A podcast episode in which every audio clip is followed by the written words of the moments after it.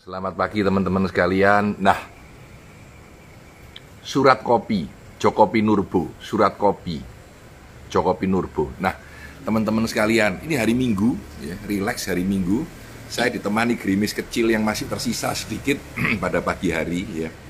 Uh, saya tadi milih di antara buku-buku untuk review hari ini. Akhirnya saya putuskan untuk sharing tentang puisi. Jadi puisi adalah salah satu hobi saya, walaupun tidak profesional ini surat kopi dari Joko Pinurbo ya. Nah, di dalam dunia perpuisian Indonesia ada dua Joko yang luar biasa. Satu adalah Sapardi Joko Damono, yang kedua adalah Joko Pinurbo atau dalam bahasanya dia disebut Jokpin, Joko Pinurbo ya.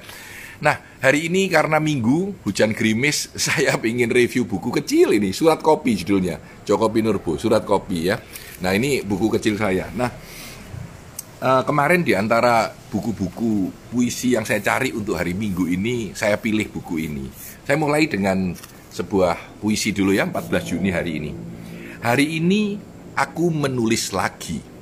Banyak sepi berwajah baru di sini. Banyak rindu belum kutanda tangani. Entah mengapa, puisi selalu grogi. Membaca aku di hadapan mimbar mikrofon, lampu, dan kamu. Semoga rindu tak kunjung sembuh, supaya kata tetap berdenyut, malam tetap gelisah dan basah. Nama saya akan dihapus oleh sajak-sajak saya. Nah, Joko Pinurbo ini menurut saya cerdas, pemilihan katanya luar biasa ya dan kuat memang generasinya agak beda ya. Kalau Sapardi Djoko Damono jauh lebih tua, kalau Joko Pinurbo jauh lebih muda ya. Jadi uh, mereka sering kumpul bareng. Anda boleh sekali-sekali mencari di dalam uh, apa namanya di dalam uh, YouTube atau di dalam Google ya, Joko Pinurbo dan Sapardi Djoko Damono ya. Buku terkenalnya sebetulnya Joko Pinurbo ini adalah Baju Bulan ya. Kemarin saya cari nggak ketemu baju bulannya di mana. Ya yang ada saya share aja dulu. Ini yang kedua, ini yang kedua ya, yang kedua. Yang kedua tentang Jogja. Jadi Joko Pinurbo ini uh, dilahirkan lebih muda satu tahun dari saya seingat saya. Dia 58 tahun sekarang ya. Dan puisi-puisi dari buku ini ditulis di Yogyakarta 2012 sampai 2013. 2012 sampai 2013 ya. Betul, beliau lahir bulan tanggal 11 Mei 1962. Ini pendek, Jogja ya. Waktu sangat murah hati di kota yang kalem ini. Pukul berapapun kamu bangun, jam akan mengucapkan selamat pagi. Senjamu yang cantik bergegas pulang ke Jogja dan menemukan langitnya yang kalem di sana. Jadi kadang-kadang simpel aja ceritanya ya tentang kerinduan akan Jogja, tentang kota Jogja, tapi menurut saya keren gitu, menurut saya keren ya. Kita, saya suka puisi yang pendek, tidak terlalu panjang ya, jangan terlalu panjang, yang pendek ya. Nah, saya bacakan satu lagi, malam tahun baru, malam tahun baru ya, malam tahun baru, pendek aja segini aja ya, ini malam tahun baru ya.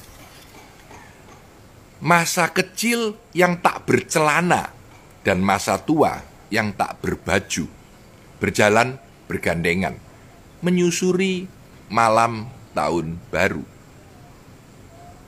Selamat tahun baru, hujan. Bersoraklah bersama trompet, petasan, kembang api, dan letusan masa kecilku. Berikanlah jalan yang lapang kepada bocah penjual trompet yang tuli itu. Menarik ya. Simple tapi menarik menurut saya. Nah, uh, sejak saya mungkin SMP, SMA, saya hobi puisi gitu ya. Saya hobi puisi ya. Uh, suka sekali baca dulu di zaman SMA bahkan pernah ikut lomba puisi kalah kalah ya jadi saya masih ingat waktu itu puisi wajibnya adalah Kairin Alwar punya aku dan Tuhan ya dan uh, saya masih membaca kanan kiri apa saja. Kalau di bahasa Inggris saya paling suka Mary Oliver. Ya Mary Oliver. Uh, suatu kali saya akan cerita tentang Mary Oliver ya. Uh, di bahasa Indonesia Kairil Anwar itu dulu Kairil Anwar ya. Lalu W.S. Rendra ya. Jadi WS Rendra dulu saya masih ingat suka sekali dengerin Rendra gitu. Sampai pernah melihat pagelaran bengkel teaternya yang judulnya Perjuangan Suku Naga. Saya ingat di Surabaya sini, dekat sini. Ya, naik sepeda motor malam-malam parkir sepeda motor ikut uh, acara di Gelora Pancasila namanya Perjuangan Suku Naga. Waduh, tahun berapa ya? Mungkin di tahun 76 77 perkiraan saya saya SMA pada saat itu ya. 78 kira-kira itu uh, keren banget. Lalu pernah nonton lagi Lingkaran Kapur Putih ya. Saya ingat Rendra dilarang terpentas eh, uh, waktu itu kalau saya nggak salah ingat ya. Uh, saya ingat saya di UNER tapi nggak tahu memori saya bisa salah ya. Tapi saya hobi WS Rendra dan saya mungkin punya banyak bukunya dia Blues untuk Boni ya. Lalu uh, banyak sekali bukunya Rendra yang saya suka. Jadi WR uh, WS Rendra WS Rendra ini akhirnya menghilangkan WS-nya. Willy Surendra Rendra. Jadi lalu di zaman baru ini saya baca Jokpin, Jokopin Nurbo ya. Bersama dengan Sapardi Djoko Damono dengan Hujan Bulan Juninya. Saya lagi cari tadi ya, enggak ketemu bukunya Hujan Bulan Juni ya. Puisinya keren-keren. Uh, di dalam bahasa Inggris saya suka Mary Oliver tadi saya sudah cerita sama beberapa penyair lain. Jadi ini hari Minggu ya uh, katanya orang hari Minggu mencari ketenangan dan salah satu jadi saya kalau lagi di toko buku Kinokuniya di Singapura ya itu kalau seminggu di Singapura mungkin saya bisa 5-6 kali ke sana. Kalau udah bosen lihat buku bisnis minggir pindah ke toko buku puisi lalu nyari buku puisi. Kadang-kadang kalau bosen di puisi lihat psikologi lihat kartu tarot ya.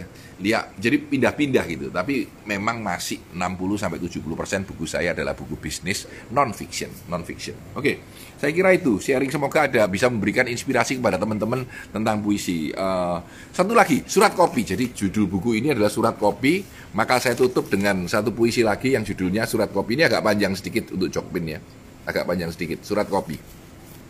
Cukup unik sih. Lima menit menjelang minum kopi, aku ingat pesanmu. Kurang atau lebih setiap rejeki perlu dirayakan dengan secangkir kopi. Mungkin karena itu, empat cangkir kopi sehari bisa menjauhkan kepala dari bunuh diri. Kau punya bermacam-macam kopi dan kau pernah bertanya, "Kau mau pilih kopi yang mana?" Aku jawab, "Aku pilih kopimu." Di mataku telah lahir mata kopi. Di waktu kecil aku pernah diberi ibu cium rasa kopi. Apakah puting susu juga mengandung kopi?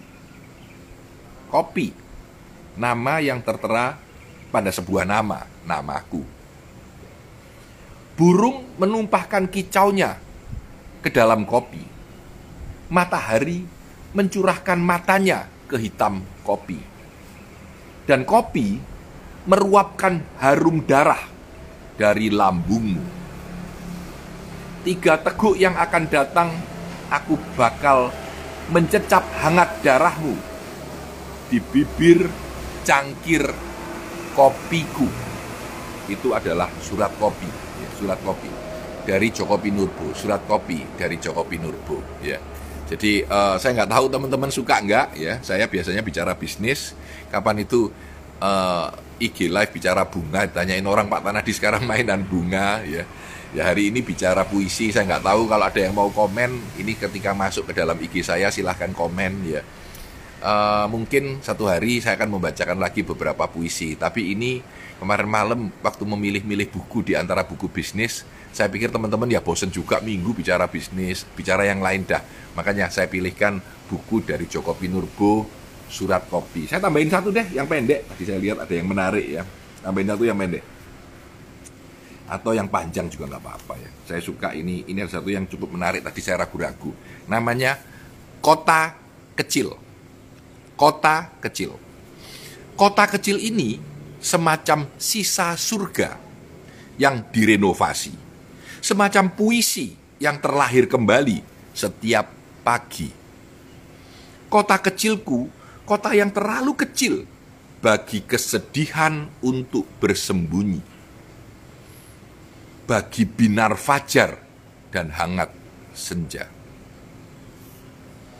Dari jauh, kota kecilku serupa rumpun cahaya. Malam mengambil alih surga. Lampu-lampu tersenyum cantik di tengah rezim derita. Kota kecilku berkedip-kedip di ngantuk matamu. Jadi ini kota kecil, ya, kota kecil. Ya. Dari bukunya Surat Kopi Joko Pinurbo. Saya Tanah Disantoso, sukses selalu untuk Anda. Salam Minggu.